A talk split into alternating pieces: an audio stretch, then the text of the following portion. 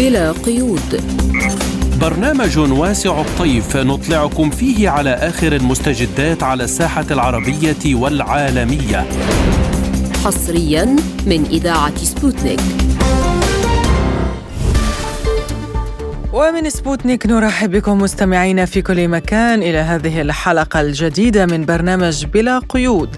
نصحبكم فيها؟ أنا نغم كباس. وأنا عماد طفيلي والبداية بأبرز العناوين. الجيش الروسي ينفذ هجوما مضادا على عدة محاور بعد إحباط هجمات قوات نظام كييف ويحرر بلدة سيرجيفكا وفد روسي صيني عسكري في كوريا الشمالية. البرلمان الليبي يقر خارطة طريق لاختيار رئيس للحكومة. العراق والأردن يبحثان آليات توسيع التعاون المشترك وتعزيز أمن الطاقة. الحلقة. لازلتم تستمعون إلى برنامج بلا قيود. ونبدأ من الميدان الأوكراني. إذ نفذ الجيش الروسي هجوما مضادا على عدة محاور بعد إحباط هجمات قوات نظام كييف حيث حرر ما يصل إلى أربعة كيلومترات على طول الجبهة وما يصل إلى كيلومترين في عمق التشكيلات القتالية المتمركزة للعدو على محور كراسني ليمان حيث تم تحرير بلدة سيرجيفكا وفي مناطق في جمهورية لوغانسك الشعبية وتورسكوي في جمهورية دانيتسك الشعبية. وفي منطقة حقول سيبريانسكي تقدمت القوات الروسية كيلومتر ونصف كيلومتر في عمق دفاع القوات المسلحة الأوكرانية. التفاصيل مع المراسل الحربي ميخائيل أندرونيك. خلال الأشهر الستة الماضية كنت في اتجاه لوغانسك والآن أصبحت متواجدا أكثر فأكثر في اتجاه أرتيوموفسك سوليدار في وحدة القوات المحمولة جوا والتي أعمل معها جنبا إلى جنب. هناك منذ بداية يونيو أصبحت الهجمات المسلحة للقوات الأوكرانية تتكرر بشكل لا نهائي على مدار الأيام محاولين السيطرة على موقع ولكن تم طردهم مع تقدم بطيء لوحدة المظليين. والآن يتم التقدم تدريجيا في الشمال الغربي من أرتيومسك تعود المواقع التي خسرتها الوحدات الأخرى في وقت سابق وفي منطقة كريمنايا سفاتوفا منذ حوالي شهر يجري التقدم بشكل مضطرد. وللمزيد حول هذا الموضوع ينضم إلينا عبر الهاتف الباحث والكاتب السياسي الأستاذ يسري عبيد. أهلا بك أستاذ يسري في برنامج بلا قيود. أهلا بك فندم. يعني نبدأ من عدم توصل الغرب لاتفاق موحد بخصوص تدريب الطيارين الأوكرانيين على اف 16 لماذا هذا المماطلة لماذا هذه المماطلة الغربية؟ برأيك هل هو عدم جدية في تدريب الطيارين الأوكرانيين أو عدم الرغبة بإرسال اف 16 يعني يوم يقولون سنرسل اف 16 يوم يقولون لن ندرب الطيارين الأوكرانيين لكن من سيقود هذه الطائرات؟ أعتقد أن في الغرب ليس هناك إجماع بشكل كامل على إرسال طائرات اف 16 لاوكرانيا خاصة بعد فشل الهجوم الأوكراني المضاد الغرب الأسلحة والمدرعات الغربية التي تم إرسالها لأوكرانيا وهي يتم تدميرها على جانب الجيش الروسي وبالتالي أعتقد أنه هناك بعض الدول فقط التي ربما تصاعد بشكل كبير خاصة بولندا الولايات المتحدة ضد الجانب الروسي وهي التي تشجع باقي الدول على مسألة التصعيد ومسألة إرسال المزيد من الأسلحة وإرسال إف 16 أعتقد أن الجانب الأمريكي يماطل في إرسال هذه الطائرات إلى الجانب الأوكراني لأنه يعلم تماما أنها ستكون هدفا سهلا للدفاعات الجوية الروسية التي يتقنها الجانب الروسي بشكل كبير. روسيا لديها سمعة طيبة للغاية في أسلحة الدفاع الجوي وبالتالي عندما يتم إسقاط هذه الطائرات فوق أوكرانيا فأعتقد أنها ستؤثر بشكل كبير على سمعة هذه الطائرات التي لديها سمعة دولية وبالتالي ستؤثر على مبيعات الأسلحة من هذا. الطائرات بالإضافة إلى أنها لن تؤدي إلى إحداث فارق جوهري في الحرب في أوكرانيا. الغرب كان يعول كثيرا على الهجوم الأوكراني المضاد وكان يرى أن نجاح هذا الهجوم سيساعد في تشجيع بعض الدول على إرسال أسلحة أخرى. ولكن كما ذكرت أن فشل هذا الهجوم أعتقد أنه بعض الدول ربما بدأت تراجع نفسها بشكل كبير وبعض الدول آه، بدأت ترى أن له لا فائدة من استمرار هذا الهجوم الأوكراني وربما تقوم في السر آه، بإعاز الجانب الأوكراني على بدء مفاوضات سلام مع الجانب الروسي. ولكن كما قلت هناك دول متطرفة تشجع دائما وللأسف الشديد هي لها الكلمة العليا في الغرب آه، خاصة الولايات المتحدة الأمريكية وبريطانيا وبولندا. وبالتالي أعتقد أنه لن يكون هناك إجماع على مسألة إرسال الطائرات إف 16 لأنه سيعني آه، مشاركة مباشرة الحرب وسيهدد بنشوب صراع محتمل بين كل من الناتو وبين روسيا وهو ما ترفضه الكثير من الدول الغربية التي لا تريد الانجرار إلى هذا الصراع لأنها تعلم تماما أن عواقب نشوب هذا الصراع مع روسيا وربما يتطور إلى نشوب حرب نووية. أعتقد أنه لن ينجح فيها أحد وربما ستؤدي في النهاية إلى انهيار الحضارة الغربية فشل المساعدات الغربية المقدمة إلى أوكرانيا في هذا التوقيت آه، بالذات. وبالتالي أعتقد أنه آه، في النهاية لن تكون هناك اف 16 حاليا أو في المستقبل القريب لأوكرانيا لأنها آه، لانهم يعلمون تماما أنها لن تحدث أي فرق جوهري كما قلت. بالاضافة إلى أنها ستكون هدف سهل للطائر لوسائل الدفاع الجوي آه، الروسية وبالتالي ستؤثر بشكل كبير على سمعه هذه الطائرات في العالم. طيب أستاذ يسري وزير الخارجية الأمريكي أنتوني بلينكين يقول إن تطوع مواطنه تريفور ريد المفرج عنه مؤخرا في روسيا للقتال بأوكرانيا لا ينبغي أن يؤثر سلبا على تبادل السجناء بين موسكو وواشنطن يعني نرى من جهة يرسلون المرتزقة لقتال روسيا ومن جهة أخرى يطلقون مبادرات لتبادل السجناء من جهة أخرى يعني كيف يمكن فهم ذلك برأيك؟ أعتقد أن الغرب وخاصة الولايات المتحدة الأمريكية دائما ما تكيل بمكيالين في كل الأمور السياسية فإنها آه، بعض الأمور التي آه، تحاول أن تبرر فعلتها وتحاول أن تبرر القرار الأمريكي آه، وفي نفس الوقت تفعل ضد أو عكس هذا القرار. آه، وبالتالي أعتقد أن الجانب الأمريكي يحاول دائما أن يستفيد من أي مبادرات لصالح المواطن الأمريكي ولصالح السجناء الأمريكيين.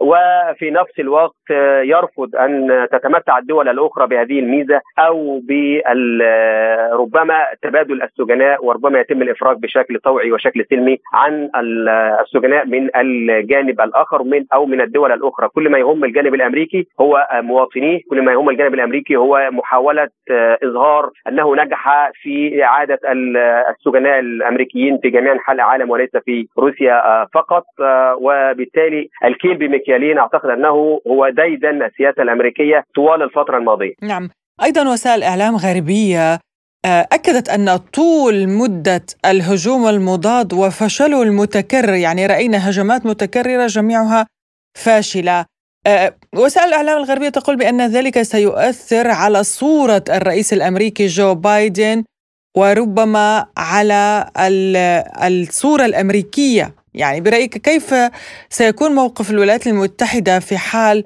آه، يعني انتهاء هذا الهجوم بالفشل الذريع كما نرى بشكل متكرر؟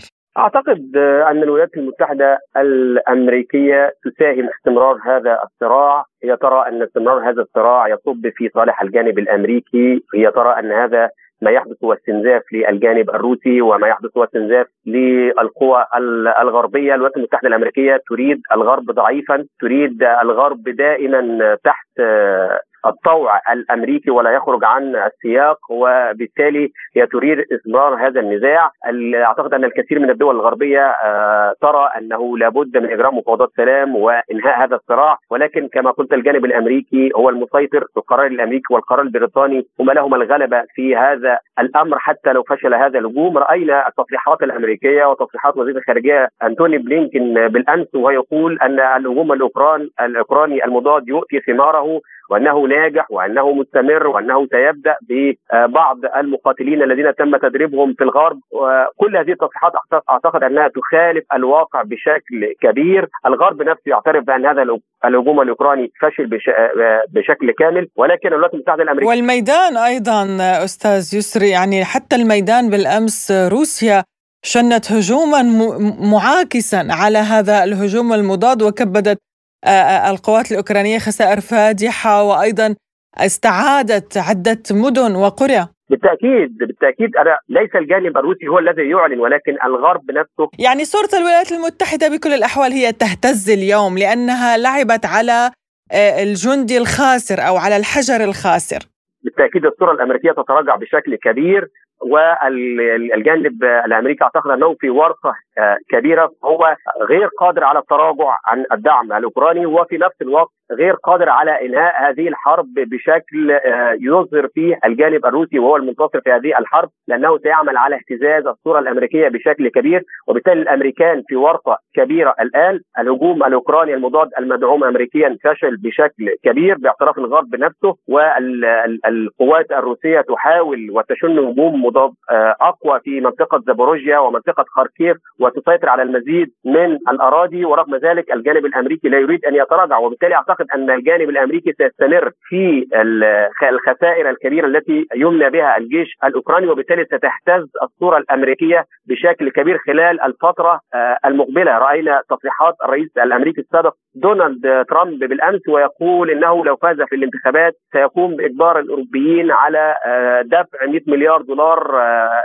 ثمن آه، ما دفعته أمريكا لأوكرانيا وبالتالي هذا الفاتورة تحول لأوروبا. بالتاكيد الغرب منزعج بشكل كبير من انتقال السلطة في الإدارة الأمريكية الجديدة لأنه يعلم تماما أن دونالد ترامب غير مؤيد لهذه الحرب وسيعمل على إيقافها بشكل كبير بالإضافة إلى أنه سيحمل الغربيين والأوروبيين تكاليف الدعم الماضية لأوكرانيا وبالتالي كل السياسات الأمريكية للأسف بشكل كبير. الصورة الأمريكية تهتز لا صوت. أعتقد أنه يؤيد استمرار هذه الحرب ويعمل على إطالتها ويظهر الجانب الأوكراني بأنه يحقق نجاحات غير الصوت الأمريكي. فقط الواقع على الأرض غير هذا آه تماما. ولكن الأمريكان يحاولون الاستمرار في هذه الحرب بكل الأسنان لأنها آه التراجع يعلمون تماما. لكن أستاذ يسري من جهة أخرى هناك تصريحات يعني لواشنطن؟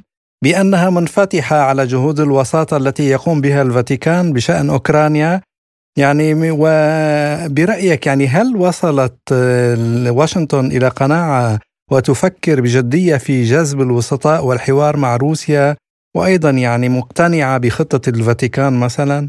أعتقد أنها كل هذا ربما تصريحات الاستهلاك آه، الإعلامي لا أكثر الجانب الأمريكي كما قلت لا يريد إنهاء هذه الحرب ولا يريد أن يعطي للجانب الروسي انتصارا آه، استراتيجيا كبيرا في هذه الحرب لأنه يعلم تماما أن انتصار روسيا في أوكرانيا سيهدد الهيمنة الأمريكية على العالم وبالتالي هو آه، يستميت في القتال في هذه المعركة الموجودة سيستمر في إرسال الأسلحة إلى الجانب الأوكراني لكي لا تمنى أوكرانيا بهزيمة استراتيجية كبيرة تؤثر على صورة الولايات المتحدة الأمريكية في العالم وتؤثر على الهيمنة الأمريكية آه، في العالم. لولا الولايات المتحدة الأمريكية لكانت الأمور انتهت بشكل كبير منذ فترة آه، طويلة، الجانب الأوكراني والجانب الروسي توصلوا إلى اتفاق بالفعل في إسطنبول بعد انطلاق العملية العسكرية، ولكن الضغط الأمريكي والبريطاني على آه، أوكرانيا هو ما أفشل كل هذه الجهود، وبالتالي الولايات المتحدة ليست صادقة في محاولة إنهاء هذه الحرب لانها تعلم تماما أن المفاوضات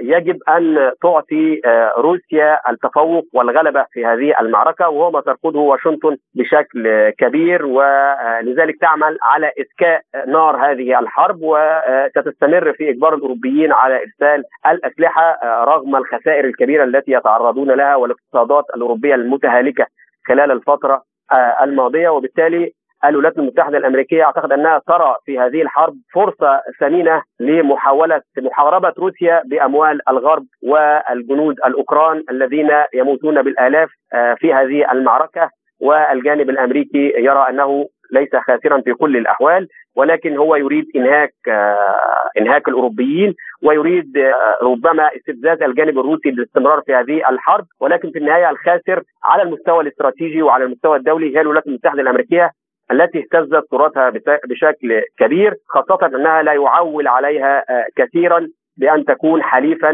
موثوقا به وحليفا جديرا للجانب الأوكراني رغم التفوق الروسي الكبير خلال الفترة الماضية الذي كشف عجز الإدارة الأمريكية على المساعدة تقديم مساعدات فعالة للجانب الأوكراني لمحاولة تغيير الصورة ومحاولة وقف الهجوم الروسي المستمر على الجانب الأوكراني. الكاتب والباحث السياسي يسري عبيد كنت معنا عبر الهاتف من القاهرة. شكرا لك على هذه المداخلة. عفوا شكرا جزيلا. لازلتم تستمعون إلى برنامج بلا قيود.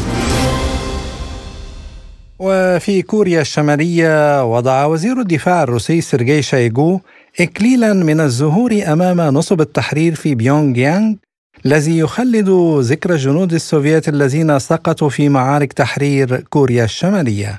ويزور شيغو بيونغ يانغ على رأس وفد عسكري رفيع المستوى لحضور الاحتفال بالذكرى السبعين لانتصار الشعب الكوري في الحرب وبدعم أساسي من موسكو. وأشارت وزارة الدفاع الروسية إلى أن الزيارة تأتي في إطار تعزيز العلاقات العسكرية وتمثل خطوة هامة في تطور التعاون بين البلدين.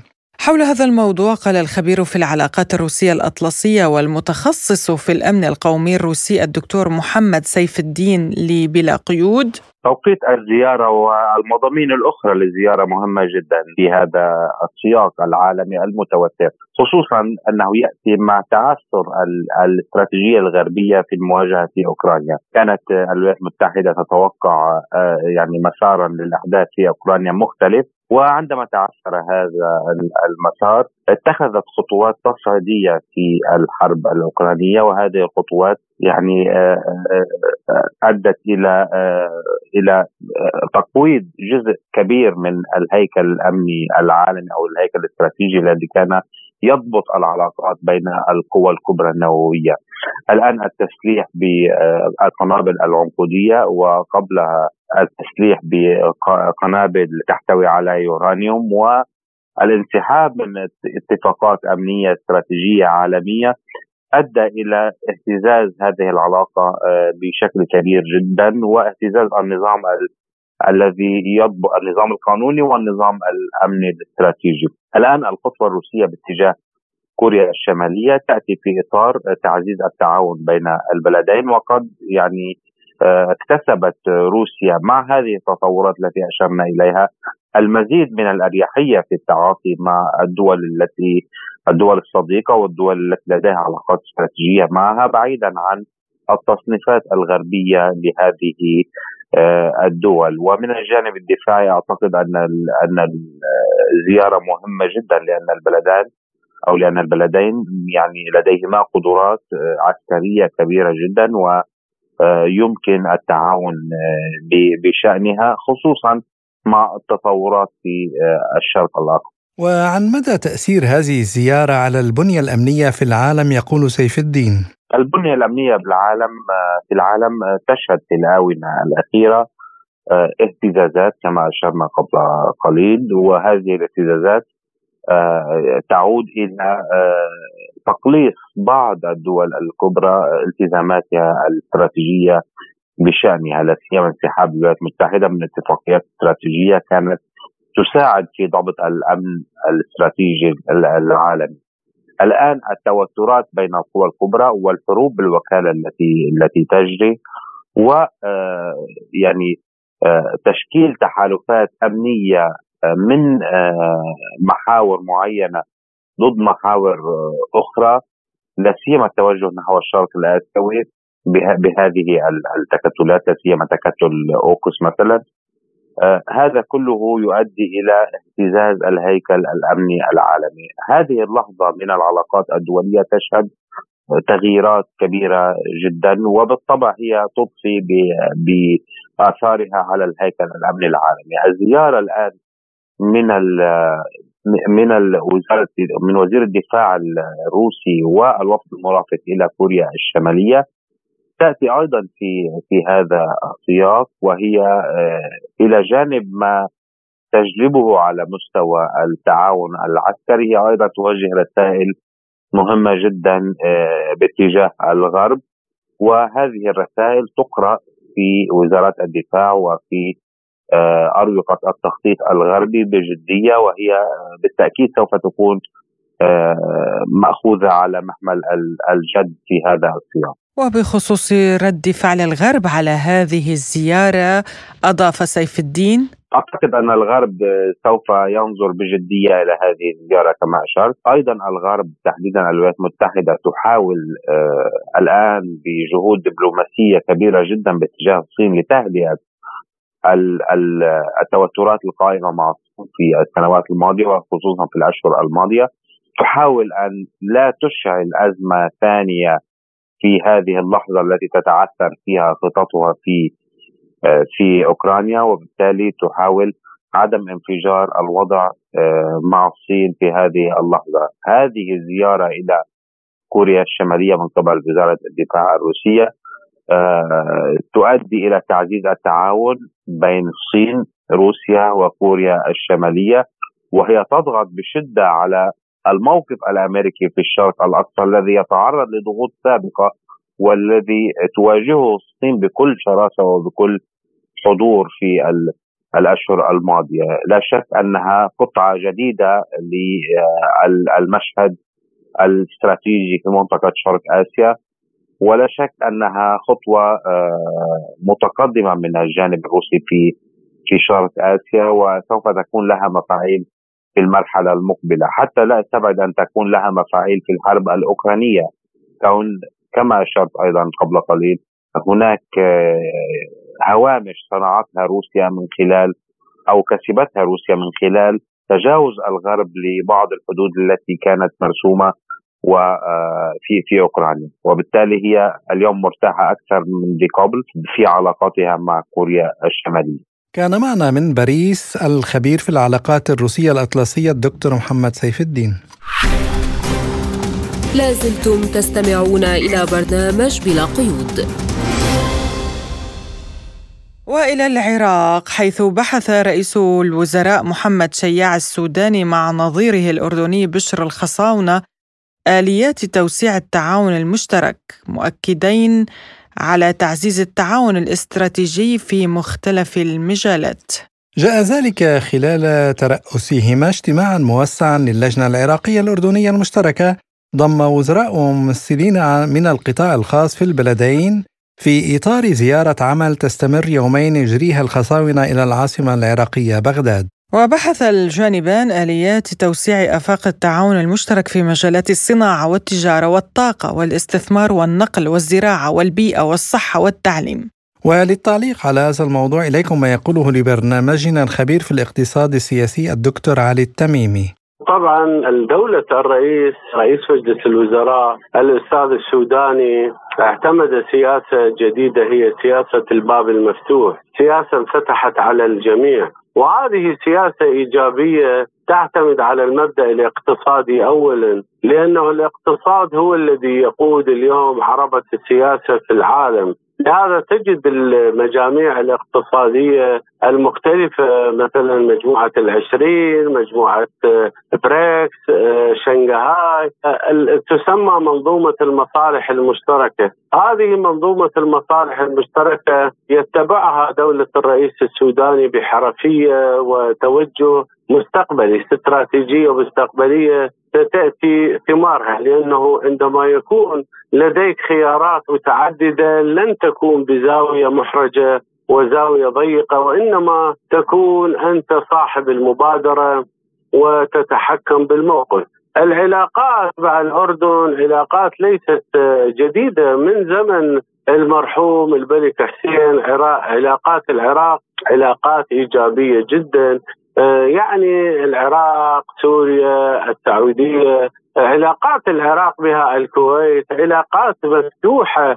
يعني آه، كان في السبعينات تم رفع شعار هدم الله ما بنوا من حدود بين العراق وهذه الدول. آه، حتى الفيزا رفعت السفر بالبار.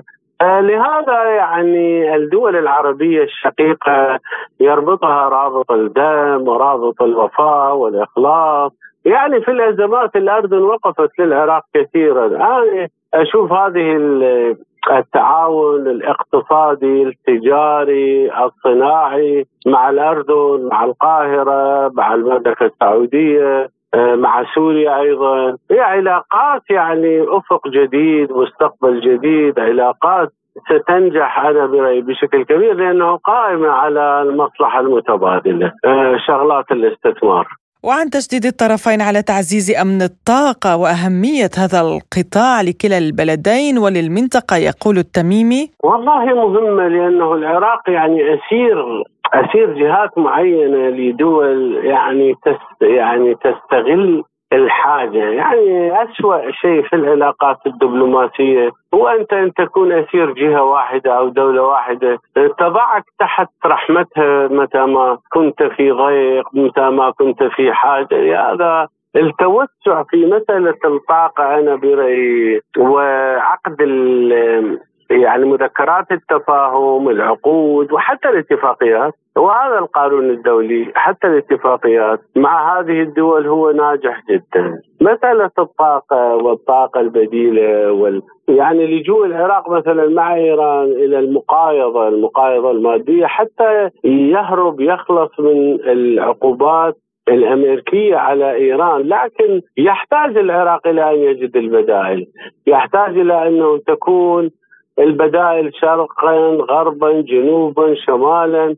يعني مثلا هذا يعني طريق التنمية الجديد. ممكن أن ينقذ العراق كثيرا بالعراق بلد نفطي ثاني أكبر بلد لديه احتياط نفطي بالعالم. لهذا العقلية التجارية العقلية الاقتصادية العقلية الاستثمارية عندما تكون شغالة في تشغيل هذا يعني هو إنقاذ للبلد. حقيقة الخطوات الرئيس السوداني خطوات إيجابية وأعتقد يعني خلال الثلاث سنوات القادمة ستأتي ثمار جيدة للعراق.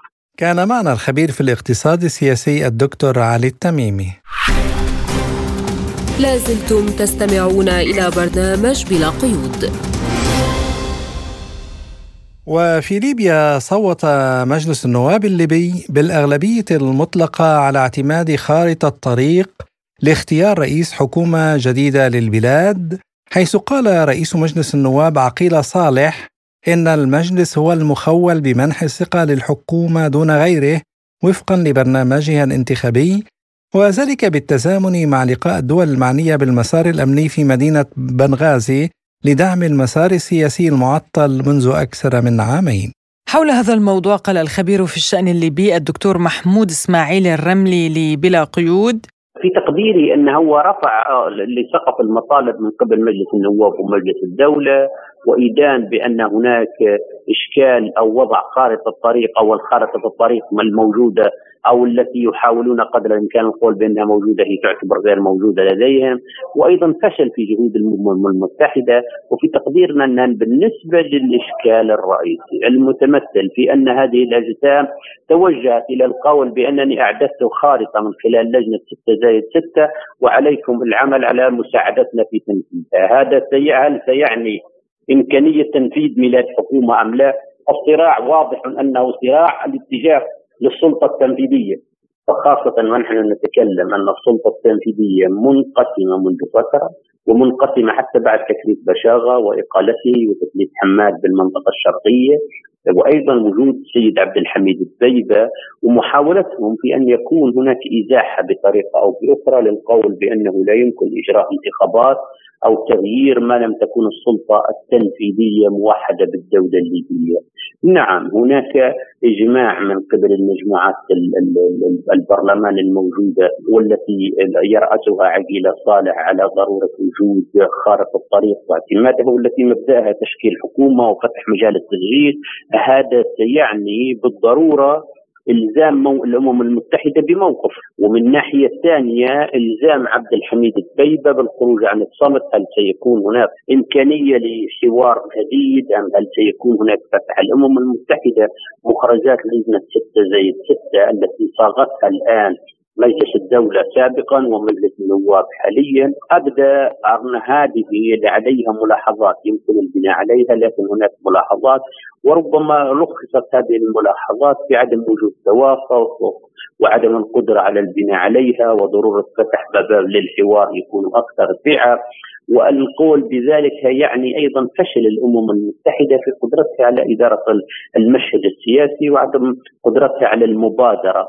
أي ظلت حبيسة فيما يتعلق بهذا المشهد ما بين رؤية خجولة لا تستطيع الانحياز لا إلى ستة زائد ستة ولا خلق مبادرة جديدة بديلة عنها مع أن رئيس البعثة قد بدا وكان واضحا عندما قال بأنه يهدف إلى إلى تشكيل لجنة رفيعة المستوى لكن لم تخرج الرفعة ولم تخرج اللجنة وبقى الليبيون بدون عملية.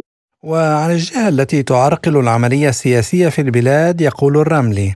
العملية السياسية جد معقدة وجد صعبة وجد غامضة بل وتزداد غموضا في ظل الضبابية من الأجسام السياسية مجلس النواب ومجلس الدولة والمجلس الرئاسي الذي بدأوا أنه قد دخل على الخط قليلا من خلال لجنة الناحية الترتيبات المالية التي يرأسها السيد رئيس مجلس النواب الرئاسي وعضوية أعضاء من الحكومة الشرقية والمنطقة الغربية من أجل القول بأن هناك مدعاة إلى وضع لمسات على إعادة ترتيبات مالية. لكن هل سيعني بالضرورة أن التوجه إلى القول بتوحيد السلطة التنفيذية وميلاد حكومة أن هناك اليه لقبوله؟ جرب حميلة صالح سابقا من خلال فتح بشاغه لكن لم يستطع الدخول إلى طرابلس. مما أدى إلى استمرار، أيضا المجتمع الدولي أعتقد بأنه إلى الآن غير مستعد لإعتراف بحكومة أخرى، من زاوية ثالثة العملية السياسية جد متوقفة ولكن لابد من الحل، لابد من إزالة الأجسام جميعا لأن الأجسام الموجوده تعاني من نقص في الشرعية ونقص في المشروعية، أي نقص في الشرعية لأن مدتها انتهت وثانيا من ناحية أخرى بأنه يجب استبدالها ومن زاوية ثالثة أن هذا الاستبدال يجب أن يكون من صناديق الانتخاب بدل صناديق الذخيرة. وصناديق الانتخاب يعني ذلك وجود قوانين انتخابية. لكن الإشكاليات في القوانين الانتخابية ثلاث إشكالية الموجودون ولديهم جنسية أخرى وأيضا إشكالية العسكريين الذين يريدون أن يبقوا في سلطاتهم مع إمكانية الترشح ويقصد تحديدا حفتر وأيضا إشكالية الذين صدرت عليهم أحكام سابقة ومطلوبون للعدالة الدولية كما هو الحال في سيف القذافي.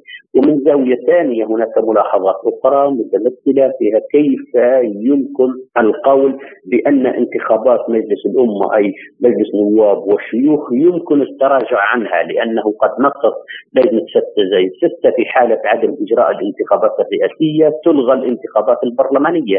إرادة الشعب لا يمكن مصادرتها من بإجراءات كهذه. ومن زاوية ثانية يجب أن تكون الانتخابات الرئاسية من دورة واحدة بدل دورتين خاصة ونحن نتكلم على دورتين حاليا. وفيما إذا كانت الخطوة تمهد لإجراء انتخابات رئاسية وبرلمانية يقول الرملي.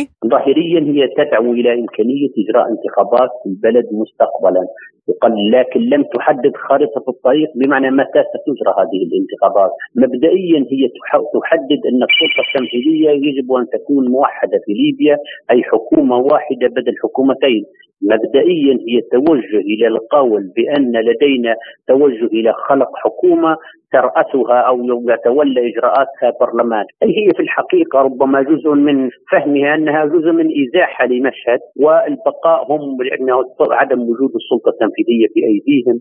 سيعني أيضا عدم القدرة على توجيه، نعم هناك خلل كبير في ليبيا تنفيذيا وتشريعيا واجرائيا بل ودخل القضاء على الخط لأن هناك إشكاليات عميقة فيما بين مجلس الأعلى للقضاء والمحكمة العليا والما صدر خلال اليومين الماضيين دليل على ذلك علاوه على الربكه التي لوحظ على أن الغرب لا يريدون مباشرة إنهاء الإشكال فهناك اجتماع روما الذي عقد خلال اليومين الماضيين والذي أدخل ما يتعلق بإشكالية المهاجرين والهجرة غير القانونية أي وهو أحادي الجانب في العلاج لأن فتح باب أوديسا. أي وحصار الشمال وبقاء الجنوب مفتوحا أي إعادة التوطين في ليبيا بشكل غير مباشر. ومهما كان نحن نتكلم على أن هذه الإجراءات التي اتخذها البرلمان بإجماعه على أنه ضرورة أن يكون هناك حكومة جديدة واعتماد خارطة الطريق سيعني فتح باب الصراع السياسي من زاوية ثانية على أنه هل يمكن القول باعتماده أو قبوله من قبل الأجسام الأخرى. نحن نتكلم على مجلس رئاسي وحكومة بالمنطقة المنطقة الغربية فهل يمكن قبوله من عدمه؟ ثم إن قبل هل يمكن القول بتنفيذه إن قبل من المنطقة خارج مناطق المنطقة الغربية؟ هل يمكن تنفيذه أم لا؟ أم سيظل حبيس الأوراق؟ لكن مع هذا نؤكد على ضرورة أن يكون هناك انتخاب وأن تكون هذه الانتخابات واضحة وصريحة وشفافة وأن ترعاها الأمم المتحدة وأن يكون هناك رقابة دولية وأن يسمح للجميع بالشراكة ما لم يكن هناك شروط مجرمة. كما هو الحال بالعسكريين وأيضا مزدوجي الجنسية والمحكومون بأحكام سابقة. هؤلاء عليهم أن يؤخروا خطوتين للوراء من أجل ليبيا ومن أجل مستقبلها ومن أجل أن يكون هناك أيضا توجه إلى القول بأن ليبيا تنمو سياسيا. الليبيون ينتظرون تغيرا. لا أحد يتصور بأنه في ظل الإدارة الحالية للبعثة الأممية أن هناك تقدما ربما يحصل بشكل كبير. التقدم جد ضحل هناك اجتماع كان بالكونغو من أجل إجراء المصالحة لكن هو أمر غريب. الليبيون يتقاتلون على أرضهم والمصالحة تجرى بالكونغو. كان من الأولى أن تجرى في ليبيا ومع هذا جيد أن يقال بأن ليبيا تسعى إلى أن تكون هناك عملية سياسية الأمم المتحدة لم تقدم مبادرة أي أن بعثتها ظلت حبيسة الأوراق أو ظلت حبيسة الاتصالات الفردية دون أن يكون لديها مشروع واضح حتى المشاريع التي ما ما طرح من نقاط ربما لا ترقى إلى نطار مبادرة. بقدر ما هي آلية لإدارة صراع ما بين دول ومحاولة لإرضاء الموجود من الأجسام. ابقوا كل بمكانه والليبيون يتضورون جوعا ولديهم إشكاليات أمنية. كانت هذه مداخلة الخبير في الشأن الليبي الدكتور محمود إسماعيل الرملي. لازلتم تستمعون إلى برنامج بلا قيود. وإلى القمة الروسية الأفريقية التي تستضيفها مدينة سانت بطرسبرغ الروسية إذ قالت الرئاسة المصرية إن القمة الأفريقية الروسية تم تدشينها عام 2019 تحت الرئاسة المصرية للاتحاد الإفريقي. وإن القمة عقد عقدت دورتها الأولى في سوتشي تحت الرئاسة المصرية الروسية المشتركة وذلك بهدف دعم وتعميق العلاقات المتميزة والتاريخية بين القارة الإفريقية وروسيا بالإضافة إلى تعزيز التشاور بين الجانبين حول كيفية التصدي للتحديات المشتركة. منوها إلى لقاء الرئيس عبد الفتاح السيسي بالرئيس الروسي فلاديمير بوتين. وللحديث عن هذه القمة الروسية الأفريقية ينضم إلينا عبر الهاتف الكاتب والباحث السياسي الدكتور محمد ربيع الديهي. أهلا بك دكتور محمد في برنامج بلا قيود. أهلا بحضرتك أستاذة نغم وبالأستاذ عماد وبالساده متابعي برنامج بلا قيود. يا أهلا بك. يعني نتحدث عن زيارة الرئيس عبد الفتاح السيسي إلى روسيا ولقائه بالرئيس الروسي فلاديمير بوتين وعن هذه القمة الإفريقية. ما أهمية هذه اللقاءات وهذه القمة برأيك؟ خلينا نتفق أن هذه القمة الروسية وهي ليست تعقد للمرة آه، الأولى ولكن هي للمرة آه، الثالثة لديها دلالات هامة ولديها اهميه هامة خاصة أن آه، روسيا هي شريك مهم للقارة الأفريقية إضافة إلى ذلك العلاقات الأفريقية الروسية التي بدأت تزدهر في آه، الآونة الأخيرة والتي كان لها انعكاسات كبيرة على صعيد آه، المجتمع الدولي وكان لها صداها حينما يعني لم توافق العديد من الدول الأفريقية بالتصويت ضد قرارات قد تدين العملية العسكرية التي تقوم بها روسيا في أوكرانيا نتيجة تهديدات الامن القومي النقطة الأخرى والمهمة في هذا هو أن الأفارقة يثقون كثيرا بروسيا خاصة أن ليس لديها تاريخ استعماري آه، هي شريك وحديث موثوق به لدى العديد من الدول آه، الأفريقية والقادة الأفارقة. لديها أيضا آه، تاريخ مشرف في دعم عمليات تنمية في بعض الدول الأفريقية وعلاقات أيضا طيبة بالشعوب الأفريقية لتوثيق التعاون وتوثيق الصلات مع القارة الأفريقية في آه، الآونة آه، الأخيرة. أيضا هي لن تتدخل في شؤون العديد من الدول الأفريقية كما تفعل بعض الدول أو تفرض عقوبات على بعض الدول الافريقيه بالعكس هي لديها فرصة ولديها امكانيات تدعم بها شركائها في القاره الافريقيه ولهذا يعول الافارقه على بناء تحالف جديد أكثر متانة وأكثر قوة في ظل تغير نمط العلاقات الدولية في الوقت الراهن و يعني تحول شكل النظام الدولي المحادي إلى متعدد قطبية يبحث فيها الشركاء أيضا على نقاط قوة ودعم في علاقتهم على أن يكون أيضا للدول الخارقة مقعد داخل مجلس الأمن أو حتى صوت قوي داخل مجلس الأمن في ظل تعديلات كثيرة ينادي بها العديد من دول العالم والعديد من المناطق جغرافيا على أن يكون هناك مقعد لها أو تمثيل لها في داخل مجلس الأمن بغرار الاختلافات الكثيرة التي تحدث.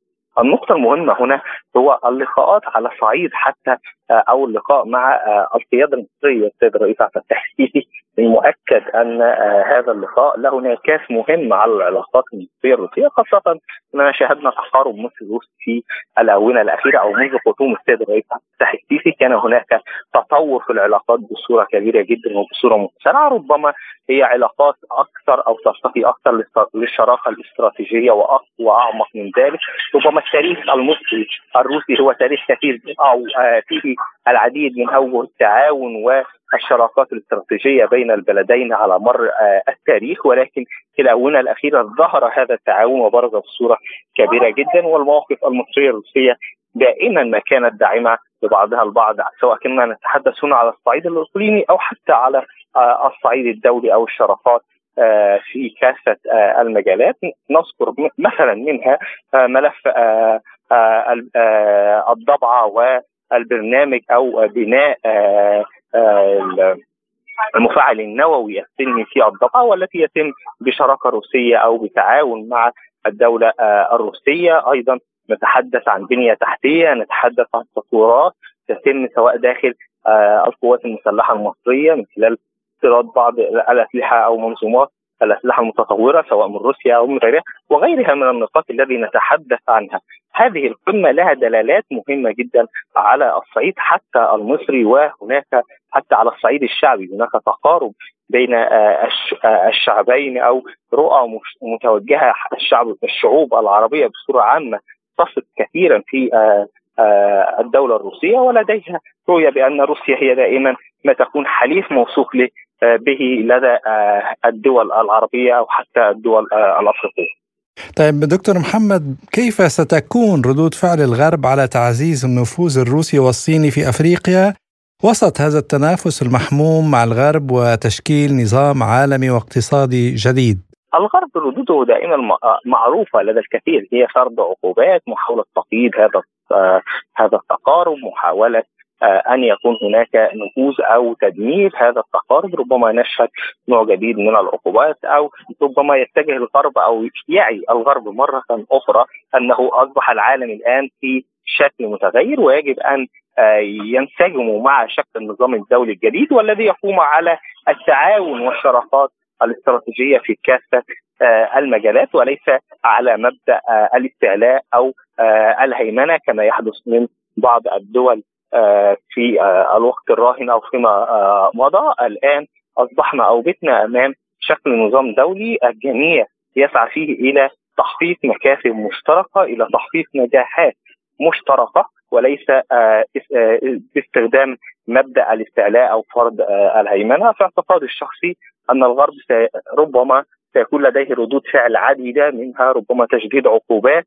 على بعض الدول وربما أيضا فرض عقوبات على روسيا جديدة في المستقبل خاصة أنه يخشى من الدور الروسي كثيرا جدا وما زال يستمر في فرض عقوبات أو ما زال يفرض قيود على روسيا التي باتت تحتل أو تدخل في تحتل أماكن نفوذ الغرب وباتت لديها قدرات كثيرة لاختراق نقاط النفوذ الغربي وباتت موسكو أو والدولة الروسية ذو سمعة طيبة لدى العديد من الشعوب بعيدا عن العلاقات نذكر منها في منطقة الساحل والصحراء ومالي كيف كانت ردود الفعل الأفريقية أو في هذه الدول على الحضور الغربي وخاصة منها على سبيل المثال الفرنسي وكيف كانت روسيا متواجدة كداعم أو كانت رؤية الشعوب بأن روسيا هي الحليف الأفضل لهم عن الحليف الفرنسي أو الشراكة الفرنسية؟ وكانت هناك اتهامات كثيرة جدا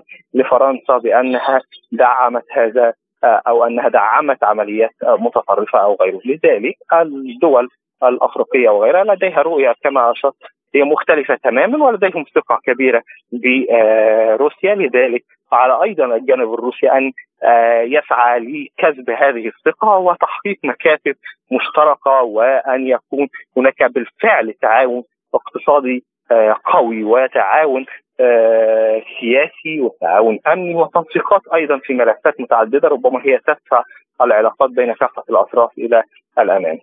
الباحث السياسي الدكتور محمد ربيع الديهي شكرا جزيلا لك على هذه المداخلة. شكرا لحضرتك يا أستاذ عماد تحية. وبحسب مساعد الرئيس الروسي يوري أوشاكوف فان 17 زعيما اجنبيا سيصلون إلى بطرسبورغ لحضور القمة والمنتدى الاقتصادي والانساني الذي يسبقها. وأن الرئيس فلاديمير بوتين ينوي التحدث مع كل منهم شخصيا. حول أهمية هذه القمة قال المحلل السياسي ألكسندر أسافاف لسبوتنيك Что касается Африки, у нас есть ряд обывательских представлений أما بالنسبة لأفريقيا فقد تراكمت لدينا حولها الكثير من الأفكار الوضيعة. بما في ذلك أن أفريقيا هي قارة أكثر ما ينتشر فيها هو الإيدز والتهاب الكبد. وأن هناك معدل وفيات رضع هائل وأن أفريقيا محتلة من قبل الصينيين. هناك مجموعة معينة من الأختام والتي من حيث المبدأ تلغي إمكانية افتراض التعاون المثمر. كما وأن هناك بعض المواقف مثل القمم تظهر أننا لسنا كما يقال نعيش أسرى في الأطر التي يفرضها علينا الغرب. أما بالنسبة للقمة التي تنعقد الآن في روسيا فهي تظهر مرة أخرى مفهوم العالم متعدد الأقطاب. الآن تطورت الظروف الجيوسياسية بطريقة أصبح العالم فيها قد تجاوز مستوى معينا ففي السابق كان تطوير روسيا لأفريقيا يعوقه التصور النمطي للنظام العالمي ومنطقه دائما متمحور حول الناتو ومتمحور حول الغرب وحول الأمم المتحدة. لقد عاشت روسيا أسيرة الأوهام الكاذبه المفروضه عليها. إن استعادة النموذج الحضاري هي أيضا عملية بحد ذاتها. فقد حان الوقت الآن ومن الجيد أنه قد حان أن تأتي متاخرا أفضل من ألا تأتي ابدا. لا أعتقد أننا تأخرنا بالنظر إلى مستوى الوفود التي أتت إلينا لحضور القمة الروسية الأفريقية. لازلتم تستمعون إلى برنامج بلا قيود. وإلى الحرائق التي تشهدها عدة دول في العالم إذ استجابت روسيا للحالة البيئية الطارئة في سوريا وتركيا إثر نشوب حرائق في غابات محافظة اللاذقية الساحلية. إذ أرسلت مروحيات خاصة بمكافحة الحرائق مع أطقمها للمساعدة بإخماد النيران التي اندلعت بعد موجة الحر الشديد. فيما تواصل فرق منظومة الإطفاء بالتعاون مع المؤسسات العامة والأهالي تطويق النيران التي اندلعت في الغابات بين قريتي مشقيطة والسركسية في ريف اللاذقية الشمالي فيما اندلع حريق آخر في محيط بلدة ربيعة في منطقة على تماس مع التنظيمات الإرهابية. وأكد محافظ اللاذقية المهندس عامر هلال أنه لم يتم الإبلاغ حتى اللحظة عن أي إصابات فيما تم إخلاء عدد من المنازل وبعض المزارع التي حاصرتها النيران لضمان سلامة السكان. وتم نقلهم إلى مركز إيواء بشكل مؤقت ريثما يتم إخماد الحريق. حول تفاصيل ما يحدث في ريف اللاذقية قال مدير الدفاع المدني في المحافظة سيادة العميد الركن جلال داوود لبرنامج بلا قيود. صار عندنا آه، الان حريق ضخم في آه، منطقة ربيعة ومشقيطة على الجبال آه، الشمالية الغربية للاذقية ممتدة من من ربيعة حتى تركيا المنطقة معروفة بجمهورتها وتضاريسها الصعبة يعني. منطقة جبلية آه، بالإضافة آه، انحدارات صعبة آه، بالمنطقة. طبعا هي الأسباب الأسباب الحرائق احتمال الكبير كثير يعني هي أسباب مفتعلة. منها بسبب المسلحين الطائرات المسيرة ورميهم بعض القنابل الحارقة في المناطق في مناطق القريبة من توسع قوات الجيش العربي السوري.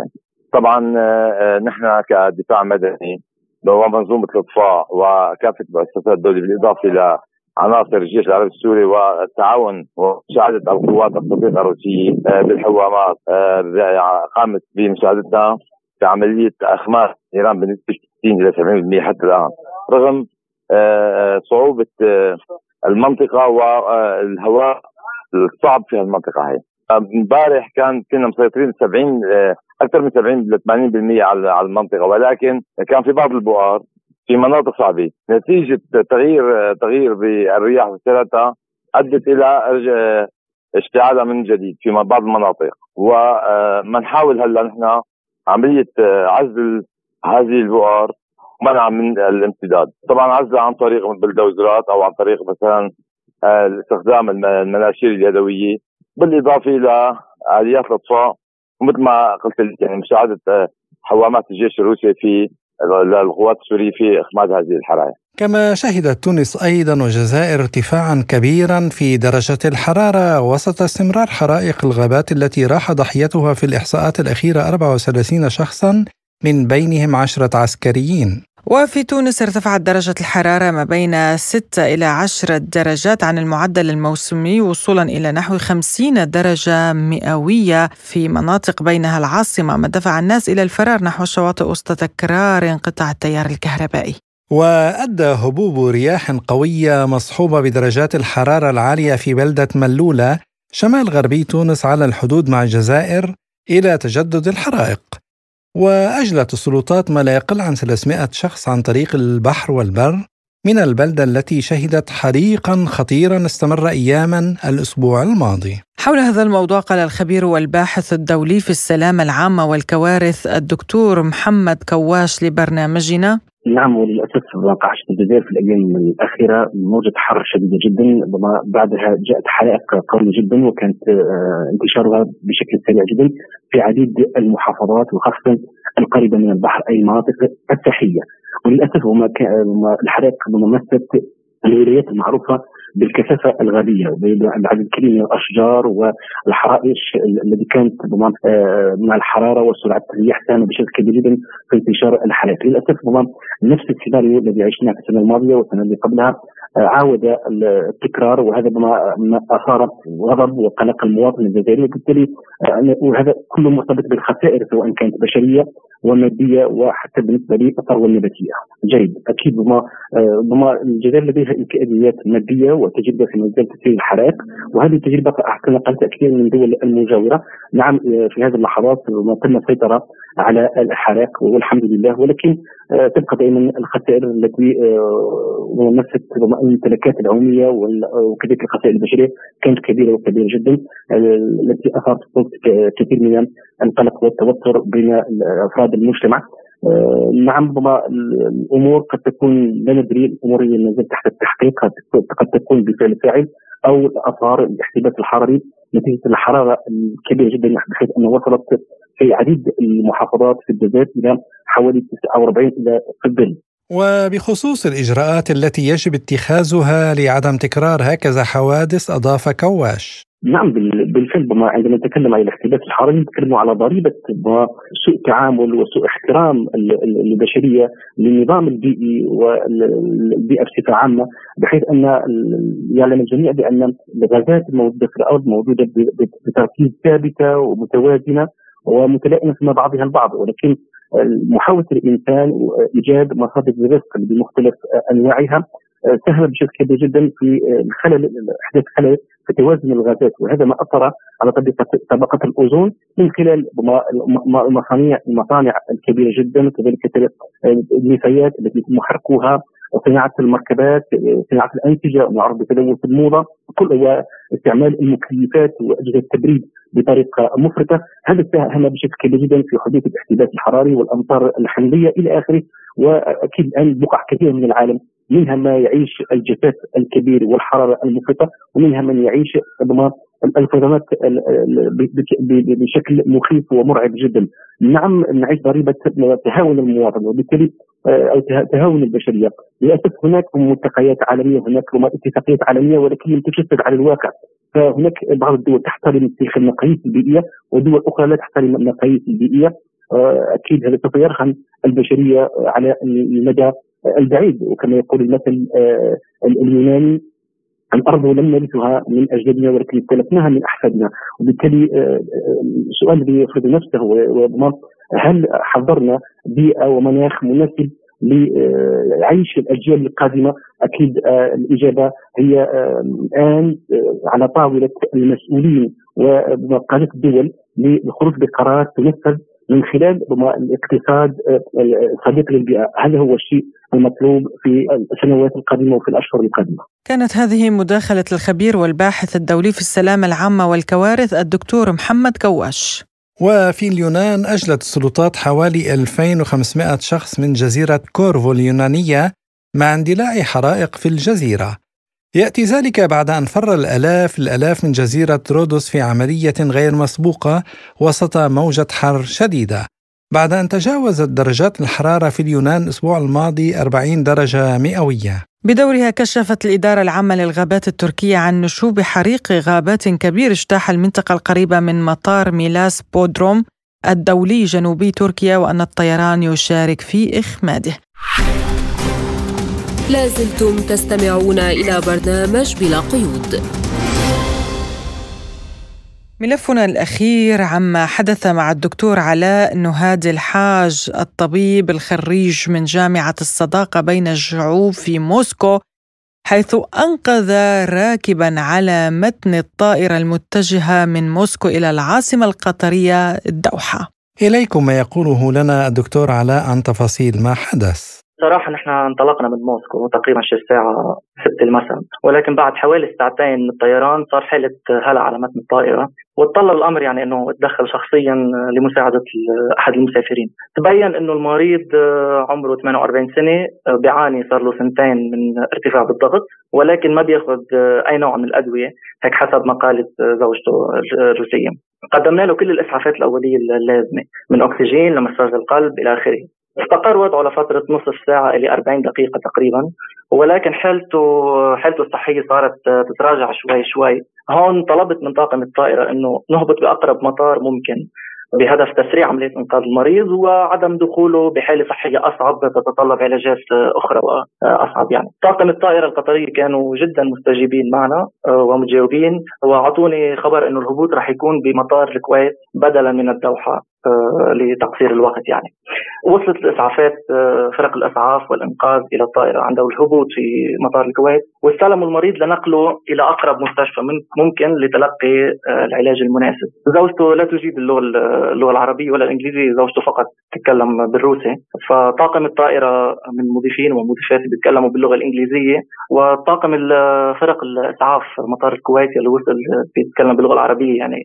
كنا عم نعمل أقصى جهدنا نتكلم بثلاث لغات لإنقاذ المريض لاسعافه بشكل سريع جدا يعني بالنهاية هذه حياة آه، مريض آه، عمل انساني. أنا مقيم بموسكو، أنا خريج جامعة الصداقة بين الشعوب بموسكو السنة الماضية تخرجت وهلق آه، عم بعمل اختصاص جراحة عظم ومفاصل وصودف إنه يعني إنه أنا كنت على متن هذه الطائرة وصارت حالة حالة صحية عند هذا أحد المسافرين واستدعى الأمر يعني اتدخل كأقل واجباتنا يعني كطبيب إنه يساعده لإنقاذ حياته فقط يعني لاقلها للوصول إلى الأرض واسعافه بشكل سريع.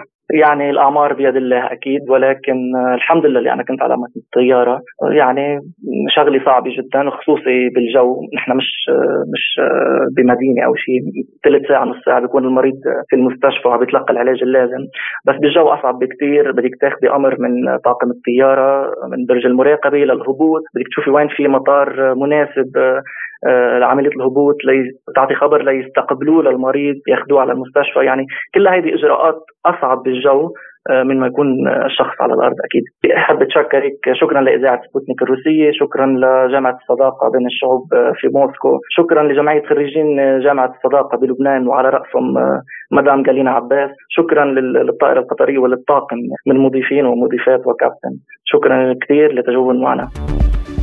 إلى هنا مستمعينا الكرام تنتهي حلقة اليوم من برنامج بلا قيود. كنا معكم فيها اليوم أنا عماد الطفيلي. وأنا نغم كباس وللمزيد من المتابعة زوروا موقعنا الإلكتروني سبوتنيك dot ae وأيضا قناتنا على تليجرام سبوتنيك عربي. ولا تنسوا الاشتراك بقناة أرب بوينت بودكاست على يوتيوب. هذه القناة تقدم مواضيع متنوعة اقتصادية وسياسية وثقافية واجتماعية دون أن تكون متبعة أو تابعة لأي جهة معينة هي قناة مستقلة. وشكرا لاصغائكم وإلى اللقاء. إلى اللقاء.